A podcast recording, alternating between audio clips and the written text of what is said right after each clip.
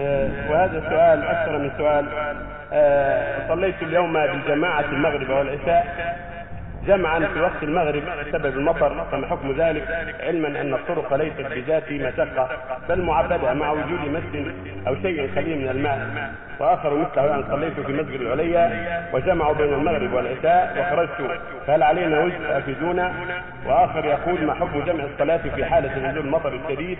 في مثل هذا اليوم نرجو التفضل في ذلك. جزاكم الله خير الجزاء. أصل الجمع بين الصلاتين بين المغرب والعشاء. لوجود المطر أو الدحر أمر جائز فعله السلف الصالح. فلا بأس بذلك. وجاء في الأحاديث الصحيحة يدل عليه.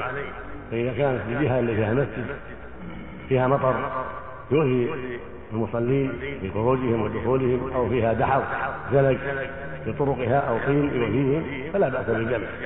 أما إذا كانت محلة المسجد حي المسجد ليس فيه أذى وليس فيه مطر يؤذي المصلين فلا وجه للجمع بمجرد وجود آثار المطر. أما إذا كان هناك مطر يصب عليهم وقت الجمع فلا بأس به. أو هناك دحض يعني زلل في الطرقات وطين في الطرقات فلا بأس نعم. نعم. والصلاة التي صلوها على حسب ما سمعت. كان لهم عذر الصلاة صحيحة وكان لهم عذر فعليه أن يعيدها نعم.